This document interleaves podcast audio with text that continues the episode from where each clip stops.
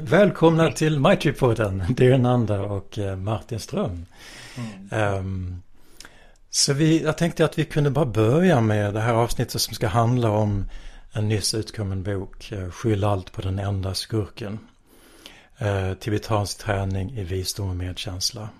Som då Nanda och jag, Vilja Bodhi, har skrivit. Um, och ja, vi bad Eh, bland annat då dig Martin att skriva lite i början av boken som vi skulle ha med i början av boken. Och eh, som en följd av det så tänkte vi att det vore intressant att ha ett samtal om eh, boken och Lojong-traditionen och så. Men innan vi fortsätter så kanske det är bra för lyssnarna att bara få reda vem är vi? Så vill du börja Martin och bara berätta lite kort. Vem är du och och eh, vad är din koppling till, till Lojong? Ja, jag har, eh, jag har eh, praktiserat eh, buddhism i 22 år eller något sånt där och jag kom ganska, ganska tidigt in på den tibetanska traditionen där Lojong förstås är väldigt tongivande. Och Ja, jag har haft, det är få saker som jag har haft större nytta av i mitt liv skulle jag väl kunna säga. Mm.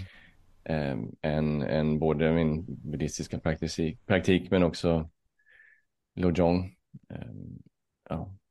Mm. Jag vet inte om, jag vet inte vad jag ska säga om mig själv, det är alltid, det är alltid svårt. Eh, numera på min, min LinkedIn-profil så står det fellow human being. Så det, det, ja, jag är psykolog och civilingenjör och det ena och det andra men mm. jag vet inte hur, mm. hur viktigt det är i sammanhanget.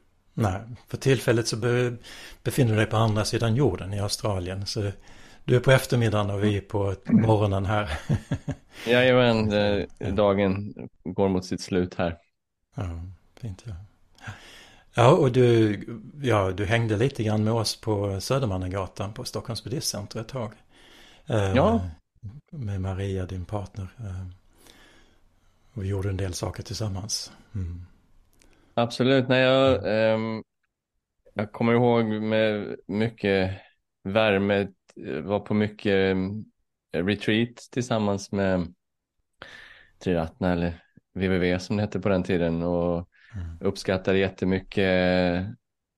Ja, det var tongivande i, i början av min eh, buddhistiska bana eller vad man nu ska kalla det. Så det var mm. ja, en, en tid som jag ser tillbaka med, på med mycket värme och tacksamhet. Mm. Ja. Och det är den andra, eh, Kenneth Nolkrantz som du också heter mm. på. Du var ju en av de som startade WBV eller Truratna i Stockholm. Men kan du berätta mm. lite grann om, om dig? Ja, jag upptäckte buddhismen i 20-årsåldern eh, och eh, redan efter, efter ett par år så stötte jag ihop med en engelsk ordensmedlem, Sona, som hade kommit till Sverige för att starta en gren då utav eh, det som hette Västerländska buddhistorden på den tiden, numera Triratna. Eh, och jag blev ganska snabbt engagerad eh, och eh, ordinerad 1982. Jag fick namnet till den andra då. Eh, och du Virabodi kom, kom med bara några få år senare då. Eh, och eh, ja, eh, på den vägen är det kan man säga. Eh, mm. Jag har praktiserat dharma genom alla år eh, och samtidigt som jag har ehm, arbetat som läkare, eh, numera pensionerad men jobbar fortfarande lite grann för för 1177 med medicinsk information till allmänheten och så. Mm. Eh, jag har också ungefär för ja, 20 år sedan börjat intressera mig för eh, sekulär mindfulness och eh, varit engagerad, eh, utbildat mig till eh, lärare inom breathworks som är eh, en, en form då utav mindfulness applicerad på personer som har eh, olika former av smärttillstånd i första hand. Ja, Lojong mm. Eh, blev central för mig relativt sent, ungefär för fem år sedan skulle jag säga. Eh, och då delvis tror jag som en konsekvens av att jag hade en svår period och drabbades av mycket sjukdom i närmaste familjen. Först fick min far Alzheimer och gick så småningom bort i sviten av det. Och sen bara något år efter att han hade gått bort så fick min mor eh, också Alzheimer. Det är ju en väldigt svår sjukdom, inte minst för, för närstående att eh, hantera. Så att eh, svårigheter, lidande, nära inpå tror jag var en viktig faktor i att jag upptäckte eh, värdet av Lojong som praktik. Att praktisera Dharma under svåra omständigheter. Eh, så, blev, så engagerade jag dig via Bodhi och vi höll mm. retreater på Lojong-tema och började jobba på den här boken. Samtidigt som vi gjorde det så kan man ju säga att vi fick se, uppleva lidande på en, en, helt annan skala. Först kom pandemin, vi har den accelererande klimatkrisen, nu krig i Europa. Eh, så det är mycket, många hotbilder och många svårigheter. Så, mm. Vilket gör att eh, mm. kanske Lojong eh, känns särskilt angelägen och inte bara, inte bara för oss utan även att eh, om, man, mm. om vi kan sprida intresse för Lojong. Mm, tack så mycket. Vad bra. Ja. Då kan jag väl säga lite grann om mig själv också. Så jag heter Virja Bodhi och um, det står mitt pass och mitt körkort också nu för tiden sedan några år tillbaks. Uh, som känns väldigt bra. Um, jo, som sagt, som du sa, Diananda, jag kom också i kontakt med buddhismen lite innan jag kom i kontakt med då eh, uh, VBV eller Triratna. Um, och lärde mig meditera med TM när jag var 18 års ålder. Um, och sen dess har jag varit engagerad. Um, det kändes som att jag kom hem då en gång i tiden när jag kom till Turatna och um, träffade er, Sona och Dyrland och andra. Och um, ja, lång historia kort. Jag, jag bodde tio år i England och sen kom jag tillbaks. Och ganska snart efter jag kom tillbaka så startade jag då Bodhi-förlaget. Vi hade det här intresset att uttrycka, nå ut med Dharma eh, i, på svenska. Eh, startade också en tidskrift som heter Bodibladet eh, som eh, vi hade ett tag. Ja, och ehm, ja, jag har hjälpt till och verkat då inom Triratna sedan dess. Och, mer eller mindre helt, heltid. Och trivs väldigt bra med det. Ehm, och ehm, bara kort om min väg till Lojong då. Så det var ju i början på 2000-talet som det kom in lite mer i Trivatna och eh, jag skriver i förordet så, så hade då både Subuti som ordinerade mig och Sona som startade aktiviteterna här i Stockholm då. Eh, de hade lite retriter på det temat. Eh, och jag var på en retreat i Finland då. Och eh, det var en annan Lojong-tradition. Men eh, eh, de åtta verserna. Eh, och det fanns nio slogans. En av dem eh, var alla människor är extremt vänliga. All beings are extremely kind på engelska. Och den blev vi så inspirerade av. Det blev en liten slogan på centret så vi gjorde t-shirts med den. Eh, och eh, ja, när jag tilltalades ganska direkt av av tilltalet i Lojong. Och eh, dels att det är ju väldigt tydligt Dharma. Och eh, så, eh, ja tilltalande, så, så slående på något sätt. Så det är väl min ingång. Och sen så kom, ja, så kom det ju naturligtvis tillbaks nu när, när du Diana andra intresserade dig och började skriva den här texten. Och, som jag fick ta del av och vi hade retriter. Så det är väl ingången då. Där vi kommer ifrån. Men om, nu har vi pratat kanske lite allmänt. Om vi då pratar om kanske mer specifik. Ja, du, du pratar lite grann och berättar lite Diananda om din, dina omständigheter där. Men kan du säga lite mer Martin om vad det var mer exakt som tilltalade dig i Lojong? Jag, vet, jag kommer jag kom faktiskt ihåg, jag hade, jag hade den där t-shirten som du pratade om. Ja. all, all, all beings are extremely kind. Ja. Ehm, jag kommer ihåg att ehm, det var väldigt, ehm, det var roligt att gå runt med den t-shirten för folk, eh, det, det, man kunde inleda många spännande konversationer om mm. vad i hela fridens namn menar du? ja, just det. Eh, och för mig så är det väl centralt i, um, i, i, i Lojong att just att det handlar om att um, på något sätt gå 180 grader emot hur vi spontant och mm. vanligtvis eh, uppfattar saker och ting och, och världen omkring oss. Um, och jag vet inte, det, det tilltalar mig. Jag kommer ihåg när jag, jag funderade lite kring eh, det här samtalet. Jag kommer ihåg redan när jag var, när jag var yngre. Som, jag kommer ihåg en situation i, ehm, jag tror det var i åttonde klass eller någonting när jag var på väg jag var på väg till skolan och jag hade, jag hade gjort någonting som jag inte borde göra. Jag tror att jag var på väg mot, jag tror jag var på väg mot en utskällning eller något sånt där. Så det var, det var ganska obehagligt att gå till skolan den dagen. Eh, men så, så kommer jag ihåg att jag tänkte att, men okej, okay, det känns jobbigt nu, men hur, hur kommer det här kännas imorgon och hur kommer det kännas om en vecka? Hur kommer det kännas om tio år? Eh, det kommer vara helt bortglömt och irrelevant. Det här som nu känns så stort och så jobbigt och så mm. eh, tungt. Så jag kommer ihåg att det sättet att tänka eh, var hjälpsamt. Mm. Eh, också i den, den åldern. Eh, jag, jag, tänkte att eh, liksom, vad är det, om, om något går dåligt, vad är det, vad, vad finns det för mening att hetsa upp sig över det? Om jag, om jag gör det så ja, jag kan inte ändra det. Jag slösar ju bara massa mm. energi på Mm. Blir arg och irriterad över någonting som, mm. Eh, som redan är ett faktum. Så jag tror att um, mm. det sättet, av någon anledning så har det sättet att tänka funnits med mig sen, och jag hade redan tidigare i livet funnit det hjälpsamt.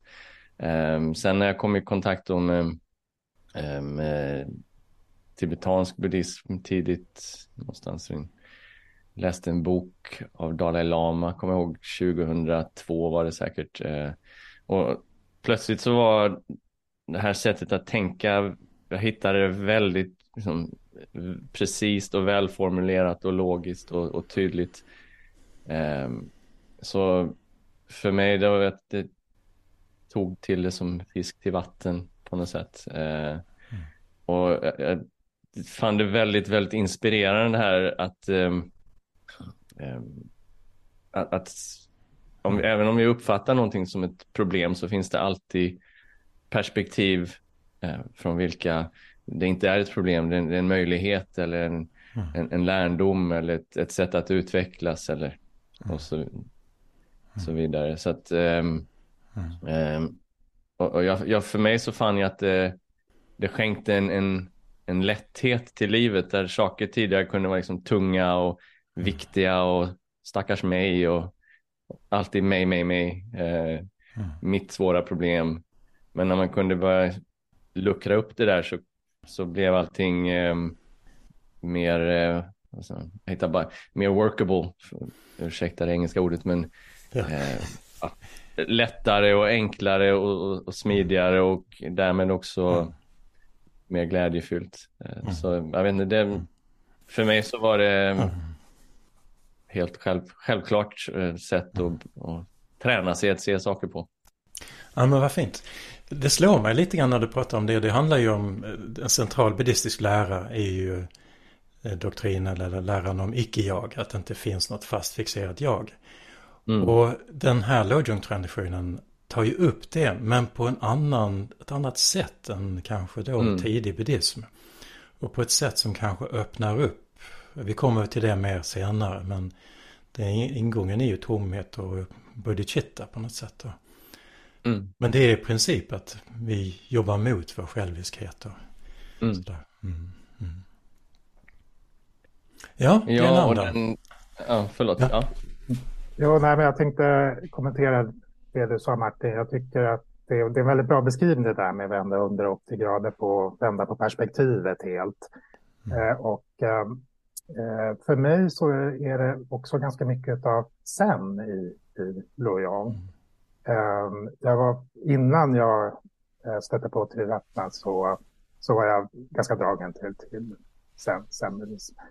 Eh, och ehm, jag tyckte det var lite roligt när jag sökte källor då till, till Jong att, att hitta Soketsu Norman Fishers eh, eh, version av Seven Point Mind Training eh, där han eh, har, har liksom ett zen-perspektiv. Och, eh, just det här att, att, vända upp och ner på perspektiv, att eh, skaka om oss lite grann. Och, mm. I Loyon kallas det här ju också för antidoter, motgifter mm. mot våra invanda eh, tänkesätt. Så det är väldigt mycket, tycker mm. jag, eh, mm. Ja, känslan med Lujong. Mm, Martin, du var på väg in också. Tack. Nej, men jag, jag, jag tror att um, en, en stor insikt för mig, om man ska kalla det, det var jag, tidigare i mitt liv så jag var ganska, ska vi säga, materiellt orienterad. Jag hade på allvar så, ehm, så sa jag att eh, om, om, man, om du tror att man inte kan köpa lycka då är det bara för att du inte vet var man ska handla någonstans.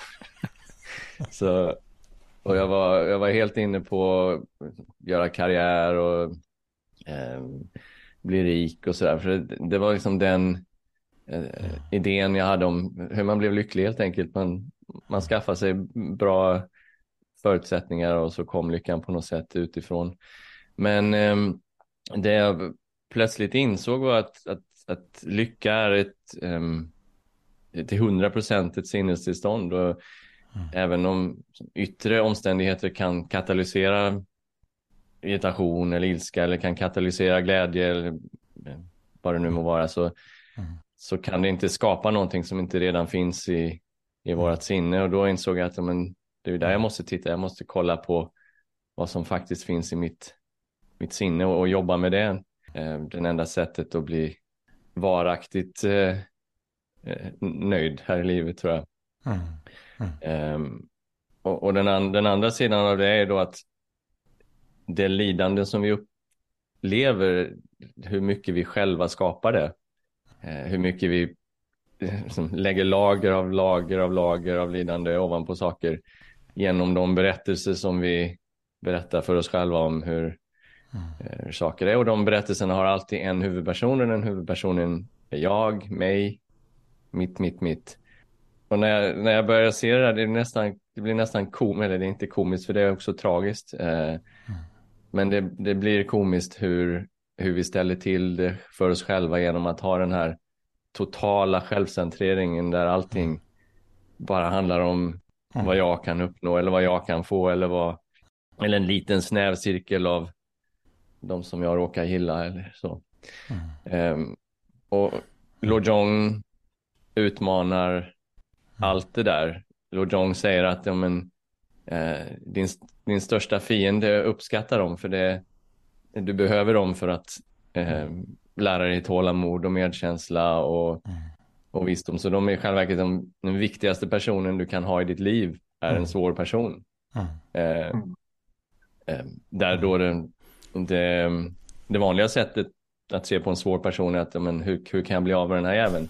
eh, men men om, man, om man börjar träna Lojong så blir det istället en tacksamhet att det faktiskt finns folk som, mm. eh, som utmanar oss. Det är väl som där, instinkten är väl att man vill bli av med dem. Men så får ja. man komma ihåg då, värdesätt dem som din bästa, eh, största välgörare eller vad det nu heter. Ja. Ja. Ja. ja. men det slår mig också att, att um, vad Lojong gör, den, den, den liksom exponerar det så tydligt, de här sentenserna. De lyfter fram, jag tittar nu innan vi pratar så på de här alla sentenserna. Och flera av dem, de är, de är som, så, så klockrena. Att de mm. fångar någonting i vår mänskliga tillvaro som, ja men här gör du, så här har du en möjlighet. Mm. Eh, och det är väl det som är så spännande med dem. Ja, ja, ja men jättefint. Ehm, jag tänkte, innan vi fortsätter, så det intressant att höra lite grann vad du hade för tankar och intentioner, Diananda, när du skrev boken. Ja, jag tycker, jag tycker det som, som ofta när man startar något projekt sådär så, så har man inte några uttalade intentioner, i alla fall hade inte jag det, utan mm. går, mer, går mer på intuition, på känsla och eh, som jag sa så, så, så eh, jag var på en, eh, en retreat med Santara som är en, mm. en uh, erfaren ordensmedlem inom Iratna som uh, för ett antal år sedan gjorde en treårsretreat. Och under den treårsretreaten så var Lojong en, en väsentlig del. och så att det... Jag träffade honom då 2018 och hans undervisning eh, träffade mig väldigt starkt och jag kände att det här vill jag fördjupa mig i. Mm. Så det var då jag började läsa mer om Lojong och, och eh, läste alla, alla kommentarer till Seven Point Mind Training som jag kunde hitta på engelska och sen växte idén fram att ja, men det här borde man ju kunna Ja, istället för att översätta, översätta en av de här eh, kommentarerna eller versionerna av jag så, så tänkte jag att jag kan, kan sammanföra, plocka lite här och där och sätta ihop dels, dels för att det är roligare men dels också tror mm. jag tror att det blir, kan bli mer läsvärt på det sättet. Ja, och sen så, så småningom när jag hade kommit en bit med det då så eh, och vi började prata om eh, hur vi skulle kunna göra ett projekt tillsammans så ja, men förstod jag att eh, ja, men dels så tror jag att boken blir mycket bättre om du mm. skriver lite reflektionstexter, lite guidade meditationer och fyller ut och gör det mer läsvänligt. Dels fick vi ju väldigt mycket input från retriterna vi hade mm. med Lojong-tema. Ehm, men jag kände väl också ganska tidigt att det på något sätt ligger rätt i tiden och det förstärktes lite av att det, det, det, var svåra tider, har varit svåra mm. tider vi lever i. Och eh, mm. att då mm. eh, hitta en undervisningstradition som betonar att eh, man kan använda svårigheter som medel för uppvaknande känns mm. ju eh, väldigt relevant. Mm. Verkligen. Så du hade ju den tanken då, ja, mm. att eh, Ja, det, det växte fram kan jag säga. Det växte fram, ja just det. Mm. Så när du började skriva så hade du det lite i åtanke att men det här mm. kan, mm. kan vara relevant för en bredare mm. mm. publik eller läsarkrets eller utövare. Mm. Inte bara buddister kanske utan andra också. Ja men det tänkte jag också tidigt att, äh, att vi kanske kan nå ut äh, utanför strikt buddhistiska kretsar.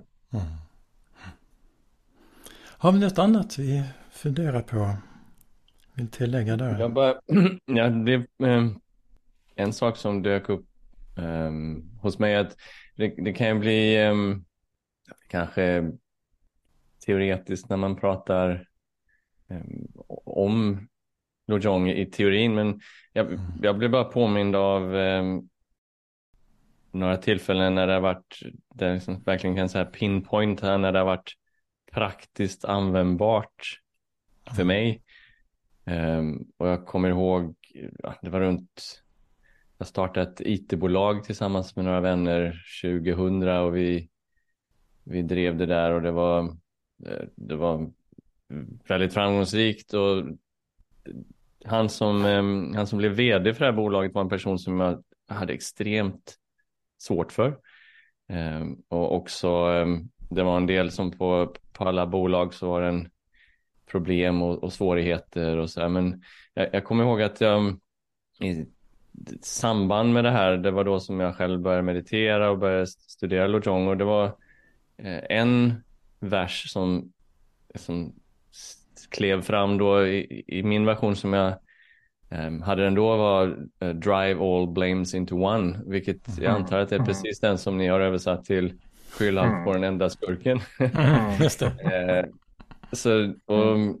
Jag hade det som ett um, nästan som ett mantra för jag, jag, jag, jag såg vi satt på möten och, och, folk alla bara skyllde ifrån sig. Det var som att mm. det fanns ett problem och det var som en, som en jag vet inte, något, något äckligt som folk försökte liksom, jag vill inte ha den, kasta den till någon annan och de vill inte ha den så de kastar den. Och det blev liksom mm. kaos. Så, så jag började göra motsatsen. Jag tog på mig liksom allt. Ja men, ja, men det var mitt fel. Eh, jag tar den. Eh, den här. Och då, det bara ändrade hela dynamik. Folk visste inte vad de skulle göra. Det blev... Eh, men det var ju inte hans fel. Vad, vad gör han egentligen? Jaha, nej men... Eh, ja, men då tar vi nästa punkt. Alltså, det, istället för att, att folk var upprörda och, och bråkade och, och krånglade så allt det bara slutade och det känns, mitt ego protesterar ju. Eh, liksom, varför ska du ta på dig det här? Du har inte gjort något, men ja, men nu gör vi det här för det blir bättre för alla och det är liksom, eh, vi kommer inte dö av det. Eh, så det, det var ett väldigt konkret exempel på hur det mm. funkade. Ja, jag mådde definitivt bättre av det, men jag tror att också att det förändrade dynamiken i, i våran grupp, att, att jag tog den positionen och jag tror den definitivt inte som någon martyr mm. eller så um, alls. Um, en annan sån här sak som jag kommer ihåg det var vi hade problem med um, det var ingen som ställde undan disken i diskmaskinen. Vet, det, blir, mm. det står högar av disk och så står det lappar så din mamma jobbar inte här. Och... Hej och hå. Så, så det jag började med var att jag i hemlighet tog undan all disken. Och anledningen till att jag gjorde det i hemlighet var att jag ville säkerställa att jag inte gjorde det för att liksom, se vad bra jag är och mm. eh, duktig, utan jag gjorde det i smyg. Eh, och, och, det tog jag också emot, så det blev lite av en så här, mm. en, lite av en praktik att jobba med sitt ego. Mm. Varför ska jag ta deras koppar? Alltså, eh, så jag ställde undan alla kopparna och eh, jag tyckte det var jättekul. Alltså det blev en rolig grej för min del och mm. såklart att eh, stämningen blev bättre. Och sen ledde det till att, att folk blev mycket bättre på att eh, ställa undan sina koppar. Eh, intressant nog. Så att jag vet inte, det var kanske eh, två, eh, två extremt eh, triviala exempel, men det, för mig var det väldigt tydliga tillfällen när den här undervisningen mm. funkade i, i praktiken. Mm. Och det hade en väldigt tydlig effekt ju och förändrade ja, saker. Ja, absolut den, andra, den sista saken som kanske var lite mer, eh, lite djupare på något sätt, det var hur svårt jag hade med den här, eh, han som var vd. Och eh, hur utmanad jag kände mig i det. Men, men just den här tanken att, att börja se den här mannen som, som en tillgång, att, att, att problemet eh, låg hos mig. Det var, det var mm. min mitt tålamod som inte var tillräckligt. Det var min medkänsla som inte var liksom djup nog. Och här fanns en fantastisk möjlighet att, att träna exakt de sakerna varje dag på jobbet.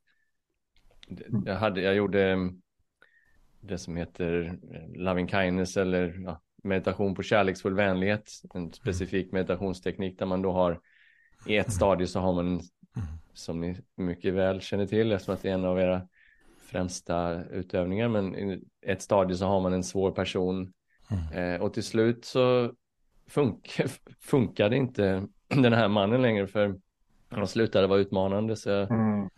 eh, jag behövde hitta någon annan för det där eh, mm. svåra stadiet. Men, men just, just att mm. ta den positionen och tänka, men här är någon som jag kan lära mig de allra viktigaste sakerna från, eller Mm. Åtminstone använda för att träna de, all, de sakerna jag värdesätter mest. Mm. Eh, mm. så, så visst är han liksom, något bra i mitt liv, inte något, något mm. dåligt. Det var eh, också en, ett exempel på när det verkligen funkade i praktiken. Har du några sådana rent praktiska exempel, Dionanda? Som du kommer att tänka på? Ja, men jag, jag känner igen väldigt mycket av det som Martin säger. Så att mm. det, det, det är så när man praktiserar. Det, det, och det jag slås av också är att det är så... Det är rätt lätt att påverka människor, ungefär som du berättade Martin med, eh, i det här mötet. Att mm. eh, jag menar, alla skyller på andra. Eh, och så plötsligt är det någon som gör tvärtom. Eh, och det, det, det är som att människor som vaknar upp och förstår att mm. eh, oj då, eh, ja mm. nej men eh, jag har nog också min del i det här. Eh, och så, så, förändras dynamiken. Det, det, mm. det är fascinerande faktiskt. Att det, mm. För det handlar inte, vår egocentrering handlar inte bara om djupt rotade känslor av, av begär och illvilja. Det finns där naturligtvis i botten. Men väldigt mycket är också inlärda beteenden. Att mm. Vi är liksom fostrade i att ta mm. tillvara våra mm. egna intressen. Det gäller att hävda oss själva. Mm. Det gäller att vi ska eh, ta för oss. Eh, vi fostras i denna andan. Eh, och sen upptäcker man plötsligt att ja, man kan göra på ett annat sätt. Ja, jag påminner jag har ju ett arbete som eh, samordnare för en internationell översättningskommitté inom Tiratna. Och eh, när jag fick det jobbet så tänkte jag, men nu ska jag bara tjäna. Jag ska bara, men jag, hur kan jag vara till hjälp? och alla jag pratar med, men hur kan jag hjälpa dig?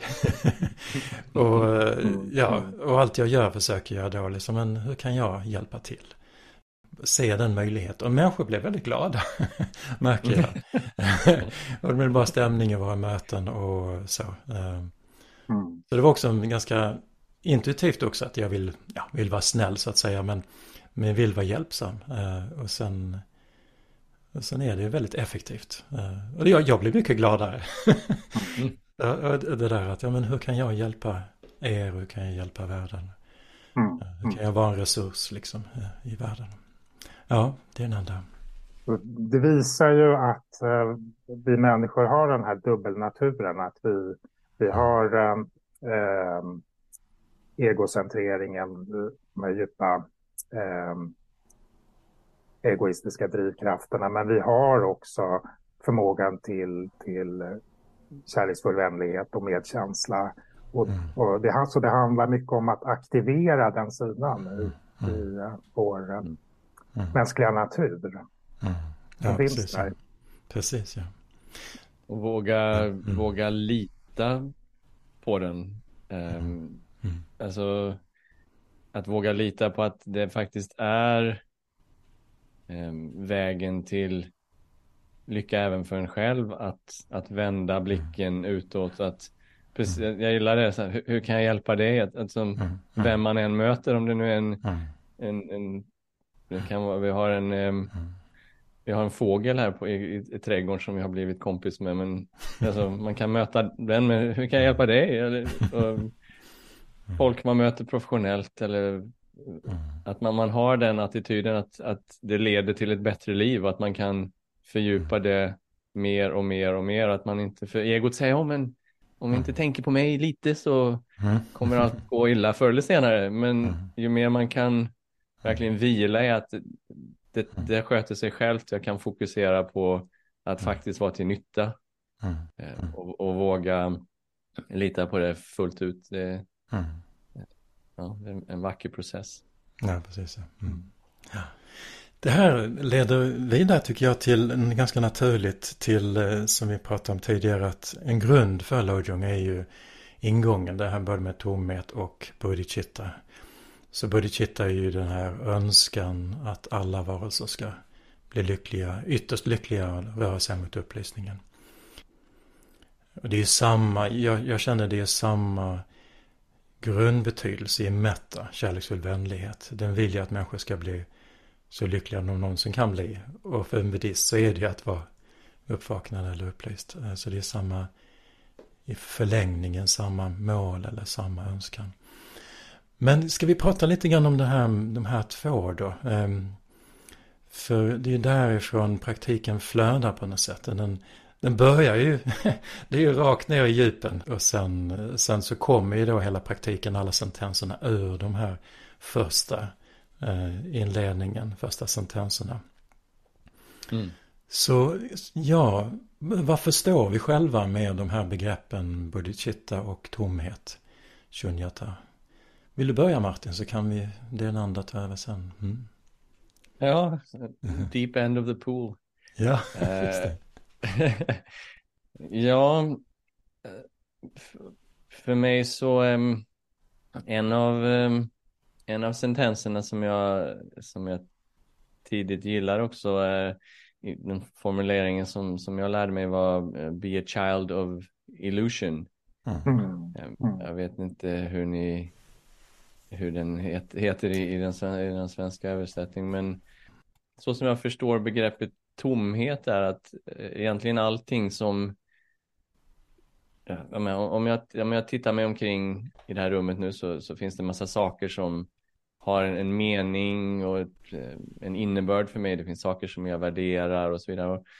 Eh, alla de sakerna, alla de här värdena, allting som jag uppfattar kommer inte från utifrån utan de kommer från, från, från mig. Jag menar om, om eh, ja, jag har en blå penna här, om jag eh, om jag tycker att den är helt fantastisk och underbar och vill ha många fler sådana blåa pennor så, så finns det någon annan som, som tycker att det var den, den, den värsta pennan eh, de någonsin har sett. Så det bevisar att det inte det är inte pennan det handlar om utan det är det jag projicerar mm. på den där pennan. Eh, men sen kan man också gå ett steg djupare och se att det som vi ser som, som saker, det är också bara den här typen av projektion. Vi sätter en, vi sätter en etikett eller en, en ett koncept på någonting. Um, om man, vad ska man, om man tar säg, gränsen mellan Sverige och Norge till exempel, det är väldigt tydligt att om man åker dit så hittar man ingenting. det, det, finns ingen gräns mellan Sverige och Norge. Det finns i själva verket inget Sverige och inget Norge heller, utan det är bara idéer, koncept, projektioner, överenskommelser. Eh, kom, man kommer inte kunna hitta någon, eh, någon eh, vad heter det, Ängskolan klass 4B eller någon euro eller något Volvo eller ja, vad vi än tar. Det, allting är bara idéer och koncept och mm. Och sen blir det ännu djupare för om man, eh, om man jag lyssnade på, eh, jag kommer inte ihåg vad han heter, Carol heter han i efternamn, en, en, en kvantfysiker som pratade om elektroner och så sa han att men det här med elektroner, that's just a way of talking. Eh, det är bara ett koncept som vi har för att, för att beskriva någonting som, ja, egentligen finns det inga elektroner, men så fick han fråga, men vad är det som finns då? Och på det hade han inget svar, för men vad är det då som inte är just a way of talking?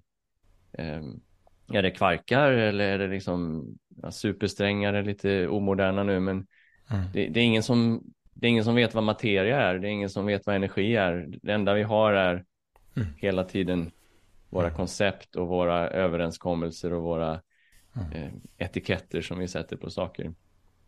Så det går från det går från det allra djupaste hur verkligheten verkar existera till det allra mest triviala som att om, om jag mm. tycker den där personen är en jävla idiot så är det inte så att de är inneboende en jävla idiot utan det är min etikett som jag sätter på dem och sen så studsar den tillbaka till mig och så blir jag arg. Mm. Eh, så att tomhet är den här um, hur världen är um, skapad av oss genom våra egna koncept och idéer. Men vi tror inte att det är så, utan vi tror att det är en faktisk, verklig, objektivt existerande någonting där ute som bara mm. drabbar oss och mm. stackars oss oftast. Mm. Um, så att um, och det där har jag försökt förstå i 20 år eller någonting och jag har mm. inte lyckats vidare. Mm. Men, men någonstans i det där så mm. finns det något, en väldigt viktig mm. eh, och djup visdom. Ja, innan vi går vidare till bodhicitta, det är en andra. Har du någon reflektion också mm. på Shaneta? Mm. Ja, men jag kan egentligen bara hålla med Martin. Eh, eh jag tänker att um, i Lojong så, så pratar man ju då om absolut bodhicitta och relativ bodhicitta, eh, mm. vilket ref refererar bakåt till Nagayunas eh, uppdelning av i absolut och relativ sanning så att säga. Mm. Och eh, den, den, absoluta sanningen kommer ju till uttryck i sentenser som att betrakta saker som drömlika till exempel. Mm. Eh, och eh, att eh, undersök den ofödda medvetenhetens natur. Eh, mm. Där man så att säga verkligen mm. går in i, i den här tomheten, den här totala öppenheten som man egentligen inte kan säga någonting om. För så mm. fort man använder ord så hamnar man i det dualistiska tänkandet. Och eh, i den, den relativa världen. Mm. Men det, det, det, den är ju, just den sentensen, jag gillar också den. Mellan meditationerna, lek med illusionerna, skriver mm. Vidar. Mm. Eh, just det här att ja, men den relativa sanningen är ju lika relevant. Vi behöver, vi behöver den för att kunna kommunicera med varandra. Vi behöver den mm. för att kunna ge uttryck åt vår mm. Eh, mätta och medkänsla eh, med andra levande varelser. Mm. Eh, vi behöver den för att kunna undervisa i dharma. Mm. Vi, vi, behöver den för att förstå dharma själva. Mm.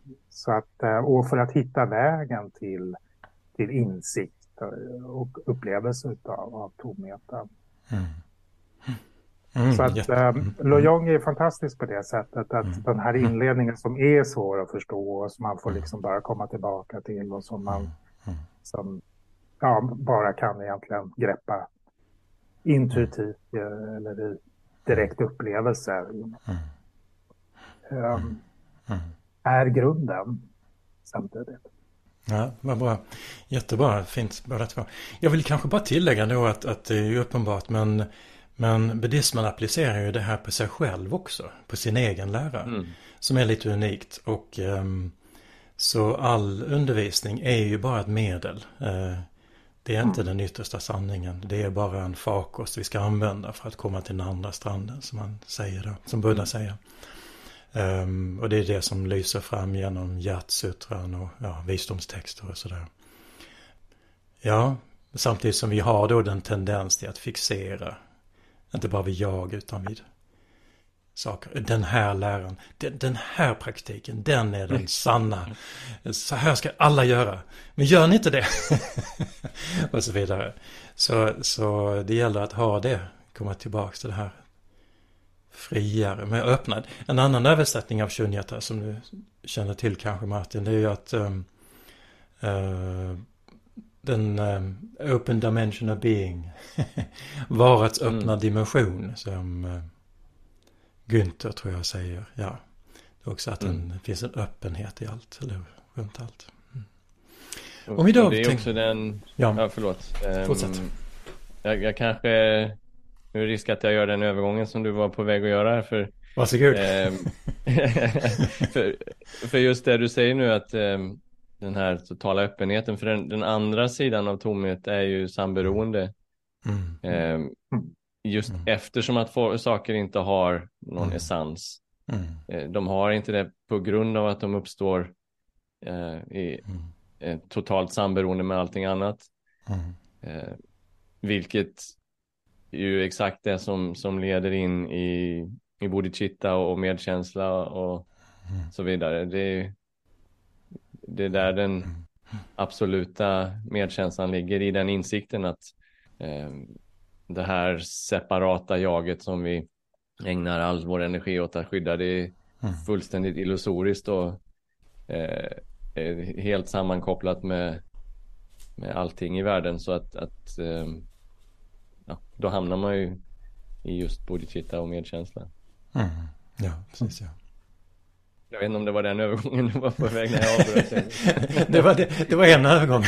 ja. ja, men precis. Om vi går över dit ja. Så, så bodhicitta, man kan ju beskriva bodhicitta på olika sätt. Och uh, tilltalas av det på olika sätt. Um, jag bara kom när du pratade nu så kom jag att tänka på att det är när vi slutar bråka med oss själva och bråka med verkligheten.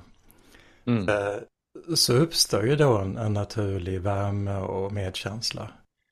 Mm. Eh, så att när vi inte, för om vi då faller in i mönstret att vara i okunnighet eller i våra reaktioner. Då är det som att vi bråkar hela tiden. Mm. Men om vi slutar, ger upp det och öppnar oss. Då kommer om vi öppnar oss inför vår egen upplevelse som, ja ibland, nu sa jag inte det i början, men, men på senare år har jag ju fått migrän eh, till och från. Och det är ganska smärtsamt och, och ställer till det ibland i mitt liv. Så jag har fått jobba med att hantera det och jobba, ja, eh, om jag inte bråkar med det och försöker få bort eller så eller, eller eh, skylla, hitta någon anledning, vad var det nu, vad käkade jag, vad gjorde jag? om jag bara släpper taget mer så. Eh, sen är det viktigt att försöka förstå samband också.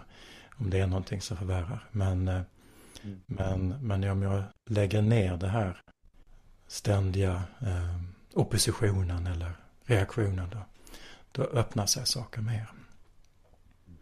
Och det uppstår någonting naturligt inifrån. Ja, det är en annan. Vill du också kommentera bodhicitta? Vad, vad den står för eller betyder för dig? Mm. Precis, det, vi, vi, har ju pratat en hel del om det, att det inte är medkänsla i vanlig bemärkelse, utan att det är något mer. Det är visdom och medkänsla. Mm. Uh, ibland översätter vi ju det till uh, viljan till uppvaknande för alla varelsers del.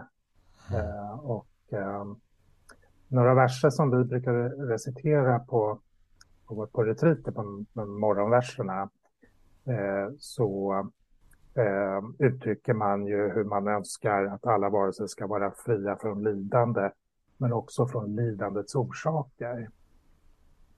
Mm. Eh, och, och, där kommer ju visdomsaspekten mm. in. Att, eh, mm. Och därför, för, för att kunna, kunna bidra till det så behöver vi själva förstå eh, de mekanismer som skapar ducka, lidande för oss själva och andra. Mm. Ja, du var på väg in, Martin. Mm. Nej, bara, en av mina lärare, hon, hon, pratar ofta om det hon kallar för idiot compassion. Um, mm. alltså det, det, räcker inte att, att vara medkännande och vilja väl, för det finns det gott om människor som gör och, och mm. springer runt och bara skapar elände för sig själva och andra eftersom att de, mm. de saknar visdom. Mm. mm. Så, det, så, mm. så sann medkänsla och sann kärlek måste också börja med att vi eh, applicerar den på oss själva. Och att vi utvecklar visdomen för att förstå varför vi själva lider och önskan att eh, minska de orsakerna och transformera vårt eget sinne. Ehm, det, att, att helt enkelt älska oss själva och vara medkännande med oss själva så, mm. så djupt bara mm. kan. Vilket då också är första steget i, i, i, bodhicitta att, att, ehm, att först så måste vi själva eh, vakna upp.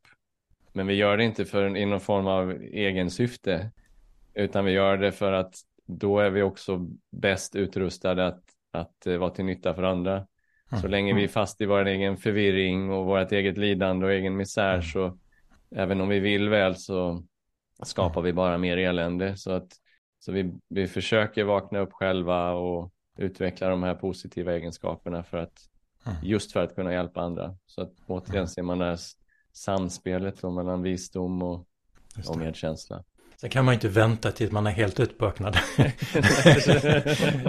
det, det, det, gäller ju att uh, komma en bit och att uh, kanske inse att jag behöver ta ansvar för mig själv, ansvar för mina omständigheter.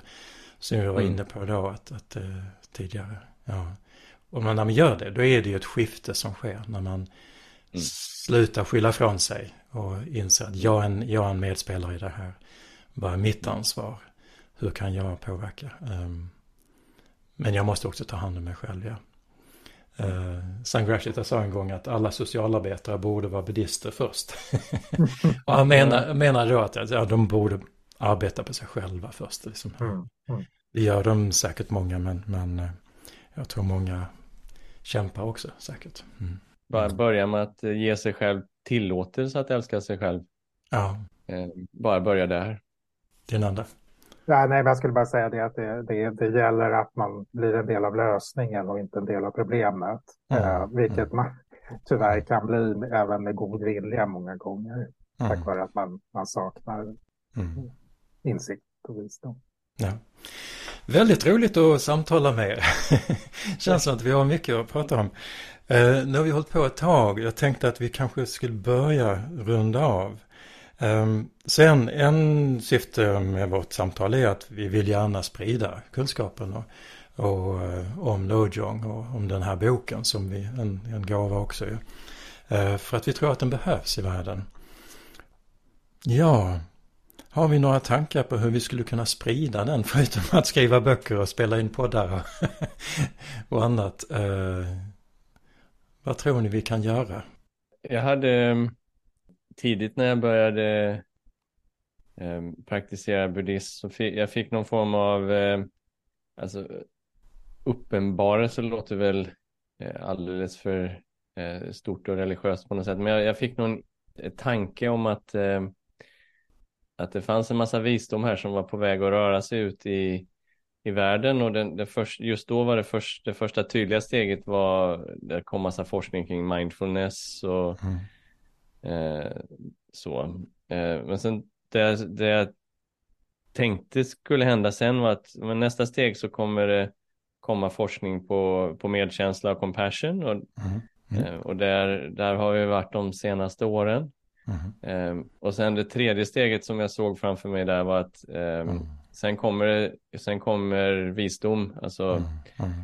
det vill säga eh, en förståelse av tomhet, en, sekulär, helt icke-religiös förstås, förståelse av tomhet som också jag tror kan eh, eh, resultera i, in, i, en vetenskaplig revolution i hur vi ser på, på saker. Men, men eh, ja, så de tre, mm. så för mig så har de tre medkänsla, eller så här, mindfulness, eh, medkänsla och, och visdom varit ett tema för också mm. hur man sen kan föra ut det i världen i, i skolor, företag, i, mm. i miljöer som, som är helt sekulära och inte, um, inte religiösa.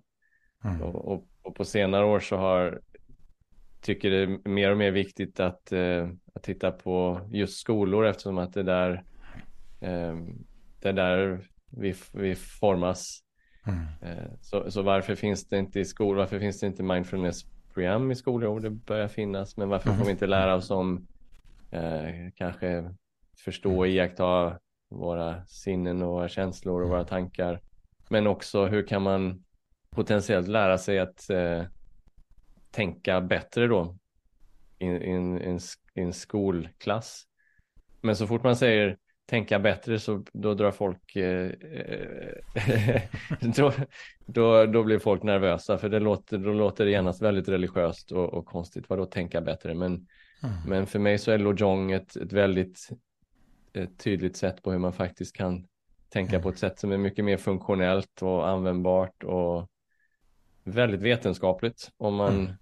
om man borrar ner i det. Så, så frågan blir då hur, hur kan man lära ut eh, mind training eller lojong eller hur kan man lära ut det i en, en skolmiljö? Hur skulle ett sånt eh, program se ut? Mm. Det blir för mig en väldigt spännande fråga. Ja, vad tror du Leonardo? Har du några andra tankar? Nej, men jag tänker att den, eh, den moderna hjärnforskningen bidrar ju till mer och mer och kognitiva psykologin bidrar ju mer och mer till en förståelse för av hur, eh, hur vi fungerar vad gäller sådana centrala begrepp inom buddhismen som, som icke-jag. Mm. Vad är jagets natur egentligen och att det blir mer och mer uppenbart att det mm. är illusoriskt. Jaget är illusoriskt, något som skapas i sociala sammanhang. Så att eh, vart eftersom den mm. kunskapen liksom sprids ut mer och mer bredare lager så, mm. så kommer vi få ett friare förhållningssätt tror jag att, eh, till, mm. till frågor som jaget, identitet, vad är mm. identitet och den här nästan krampartade upptagenheten vi har med att hitta oss själva, hitta vårt sanna jag. Eh, kanske kan, att vi får perspektiv på det och ser att eh, vi jagar någonting som inte finns. Vi jagar det som ytterst är tomhet. Och sanna natur är ingen natur, som Hackling mm. säger. Det tror jag, jag tror på det mm. spåret också. Jag tror också, jag har absolut uh, sett, mm. sett också det här eh, progressionen av, eh, sek, mm. av, av sekulär version av buddhismen eh, med mindfulness, med compassion. Och nästa steg känns ju absolut som, som mm. visdom, insikt, mm. uppvaknande i en mer sekulär form som kommer säkert att finnas parallellt med också att vi som jobbar mer traditionellt mm. med, med, med Dharma eh, kommer att samspela med. Ja, vi får se vad det kan ta för kanaler. Så vi får se. Watch this space som engelsmännen säger. ja, jag tänkte vi får väl nu börja avrunda. Men som en avslutning då. Så tänkte jag att vi kunde få välja en favoritsentens från de här 59. Och bara säga lite kort. Eh, dagens Lojong-sentens. är det någon som vill börja? Vill du börja Martin? Ja.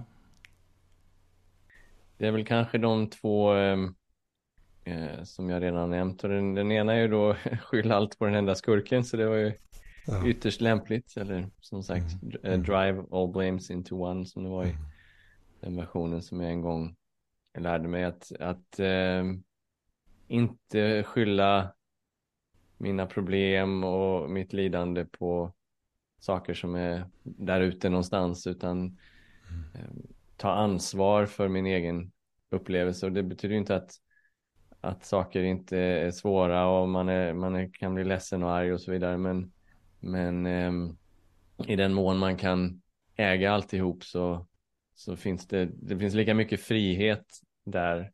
Ju, ju, ju, mer man kan äga det, desto friare blir man. Det är min upplevelse, även om det, det kan vara svårt att se att det är det där eländiga jaget som som hela tiden är skurken.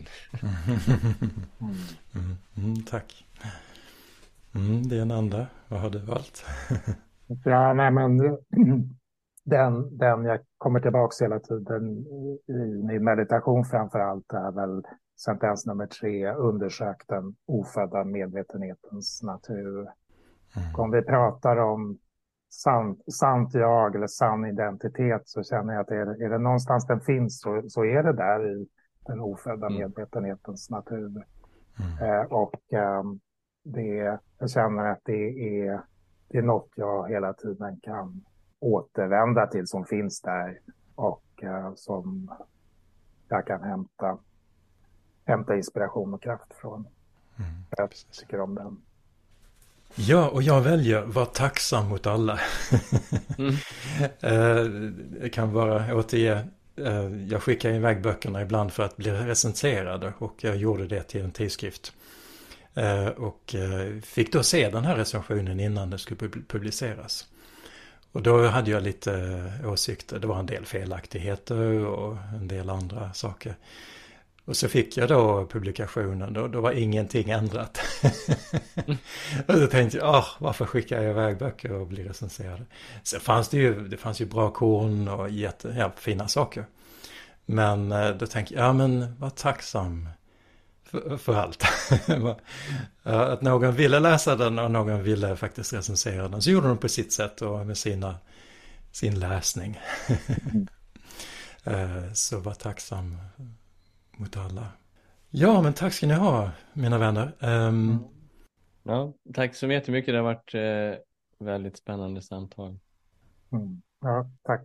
Tack Martin och tack Vera för fint samtal. Tack för att du lyssnat på MyTrip-podden. Om du vill stödja mitt arbete kan du gå till kontakt på min hemsida på virjabodi.se. Och om du vill lära dig mer om meditation och buddhism så kan jag varmt rekommendera Stockholms buddhistcenter.